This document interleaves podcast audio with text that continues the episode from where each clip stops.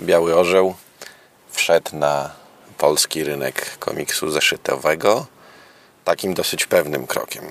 Nie było e, wielomiesięcznych, pełnych szumu i żadnych konkretów zapowiedzi, ale nie zrobił też tego tak e, dyskretnie jak e, Henryk Kajdan. Po prostu pewnego dnia został zapowiedziany i po bardzo małym poślizgu rzeczywiście pierwszy numer się pojawił. Biały Orzeł w odróżnieniu od poprzednich produkcji swoich przyszłych czytelników urzekł przede wszystkim takim uroczo bezczelnym zawłaszczeniem tytułu pierwszy polski superbohater, a także odwołaniem, e, takim faktycznym odwołaniem do sentymentu pokolenia wychowanego na semikach. Ponieważ Biały Orzeł to komiks do bólu, do szpiku kości e, amerykański, to jest taki amerykański mainstream z lat 90., z początku lat 90. w stylistyce Jima Lee, postklermontowskiego X-Men i tego typu rzeczy. Czyli produkcje, które bardzo nas jarały, kiedy mieliśmy lat 12 lub 13. I muszę przyznać, że jeżeli ktoś nastawia się na coś takiego, to nie będzie rozczarowany, ponieważ jest tam wszystko. Człowiek z przeszłością, który szuka jakiejś tajemnicy. Są świetnie znani bohaterowie, idealnie odbici z kliszy, wręcz skalkowani z rzeczy, które znamy. Sam Biały Orzeł jest y, tak radośnie generyczny, że w zasadzie mógłby być kimkolwiek po drobnych poprawkach stroju. Nur jest idealnym klonem Vermina, chyba że jedyna różnica, jaką dostrzegam, to jest to, że Vermin zdaje się nie czarował. I tak dalej, i tak dalej. Wielka zła mega korporacja, rysunki.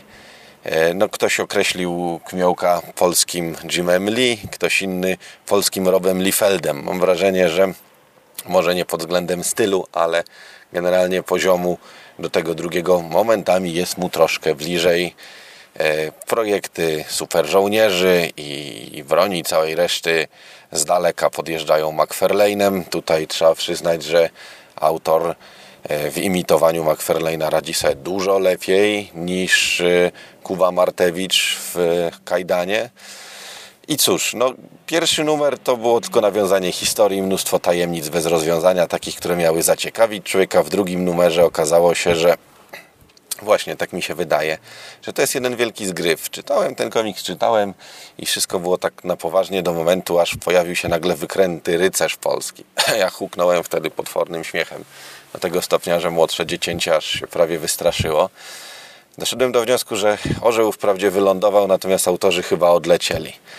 Wydaje mi się, że mimo całej próby z ich strony funkcjonowania na poważnie z tym komiksem i traktowania go tak, mm, to jest to jeden wielki zgryw, bo nie wiem, czy można na poważnie wsadzać do komiksu takie rzeczy jak wędrujący przez czas rycerz, który pojawia się wtedy, kiedy Polska jest zagrożona i wygląda jak skrzyżowanie fauna z tym zamaskowanym kolesiem z osiedla Swoboda, a w dodatku ma tarczę zrobioną chyba z futra wilka z fluorescencyjnymi centkami. Ogólnie rzecz biorąc, ten komiks jarałby mnie dramatycznie, strasznie mocno. Gdybym miał lat 12, teraz jak na niego patrzę, to widzę po prostu bardzo sprytnie zamaskowaną pod pozorem poważnej produkcji parodię. Parodię nurtu superhero, który w Stanach Zjednoczonych już się dawno wypalił i który już się skończył, z którego teraz mainstream amerykański się śmieje i do którego nie chce nawiązywać, a ostatnie jego podrygi to jest nieszczęsny Rob Liefeld. Generalnie rzecz biorąc w tej cenie, jeżeli ktoś lubi parodię, to na pewno mu się to spodoba, bo znajdzie tam absolutnie wszystko i wszystko to będzie absolutnie dobrze znane i takie no, odwołujące się do naszych osobistych, narodowych potrzeb pokolenia TM Semik. Więc cóż, niezależnie od tego, czy lat macie 12 czy 32, myślę, że Białemu Orłu warto dać szansę. Albo będziecie w podnieceniu czytali o jego przygodach, albo będziecie serdecznie zaśmiewali się z jego przygód.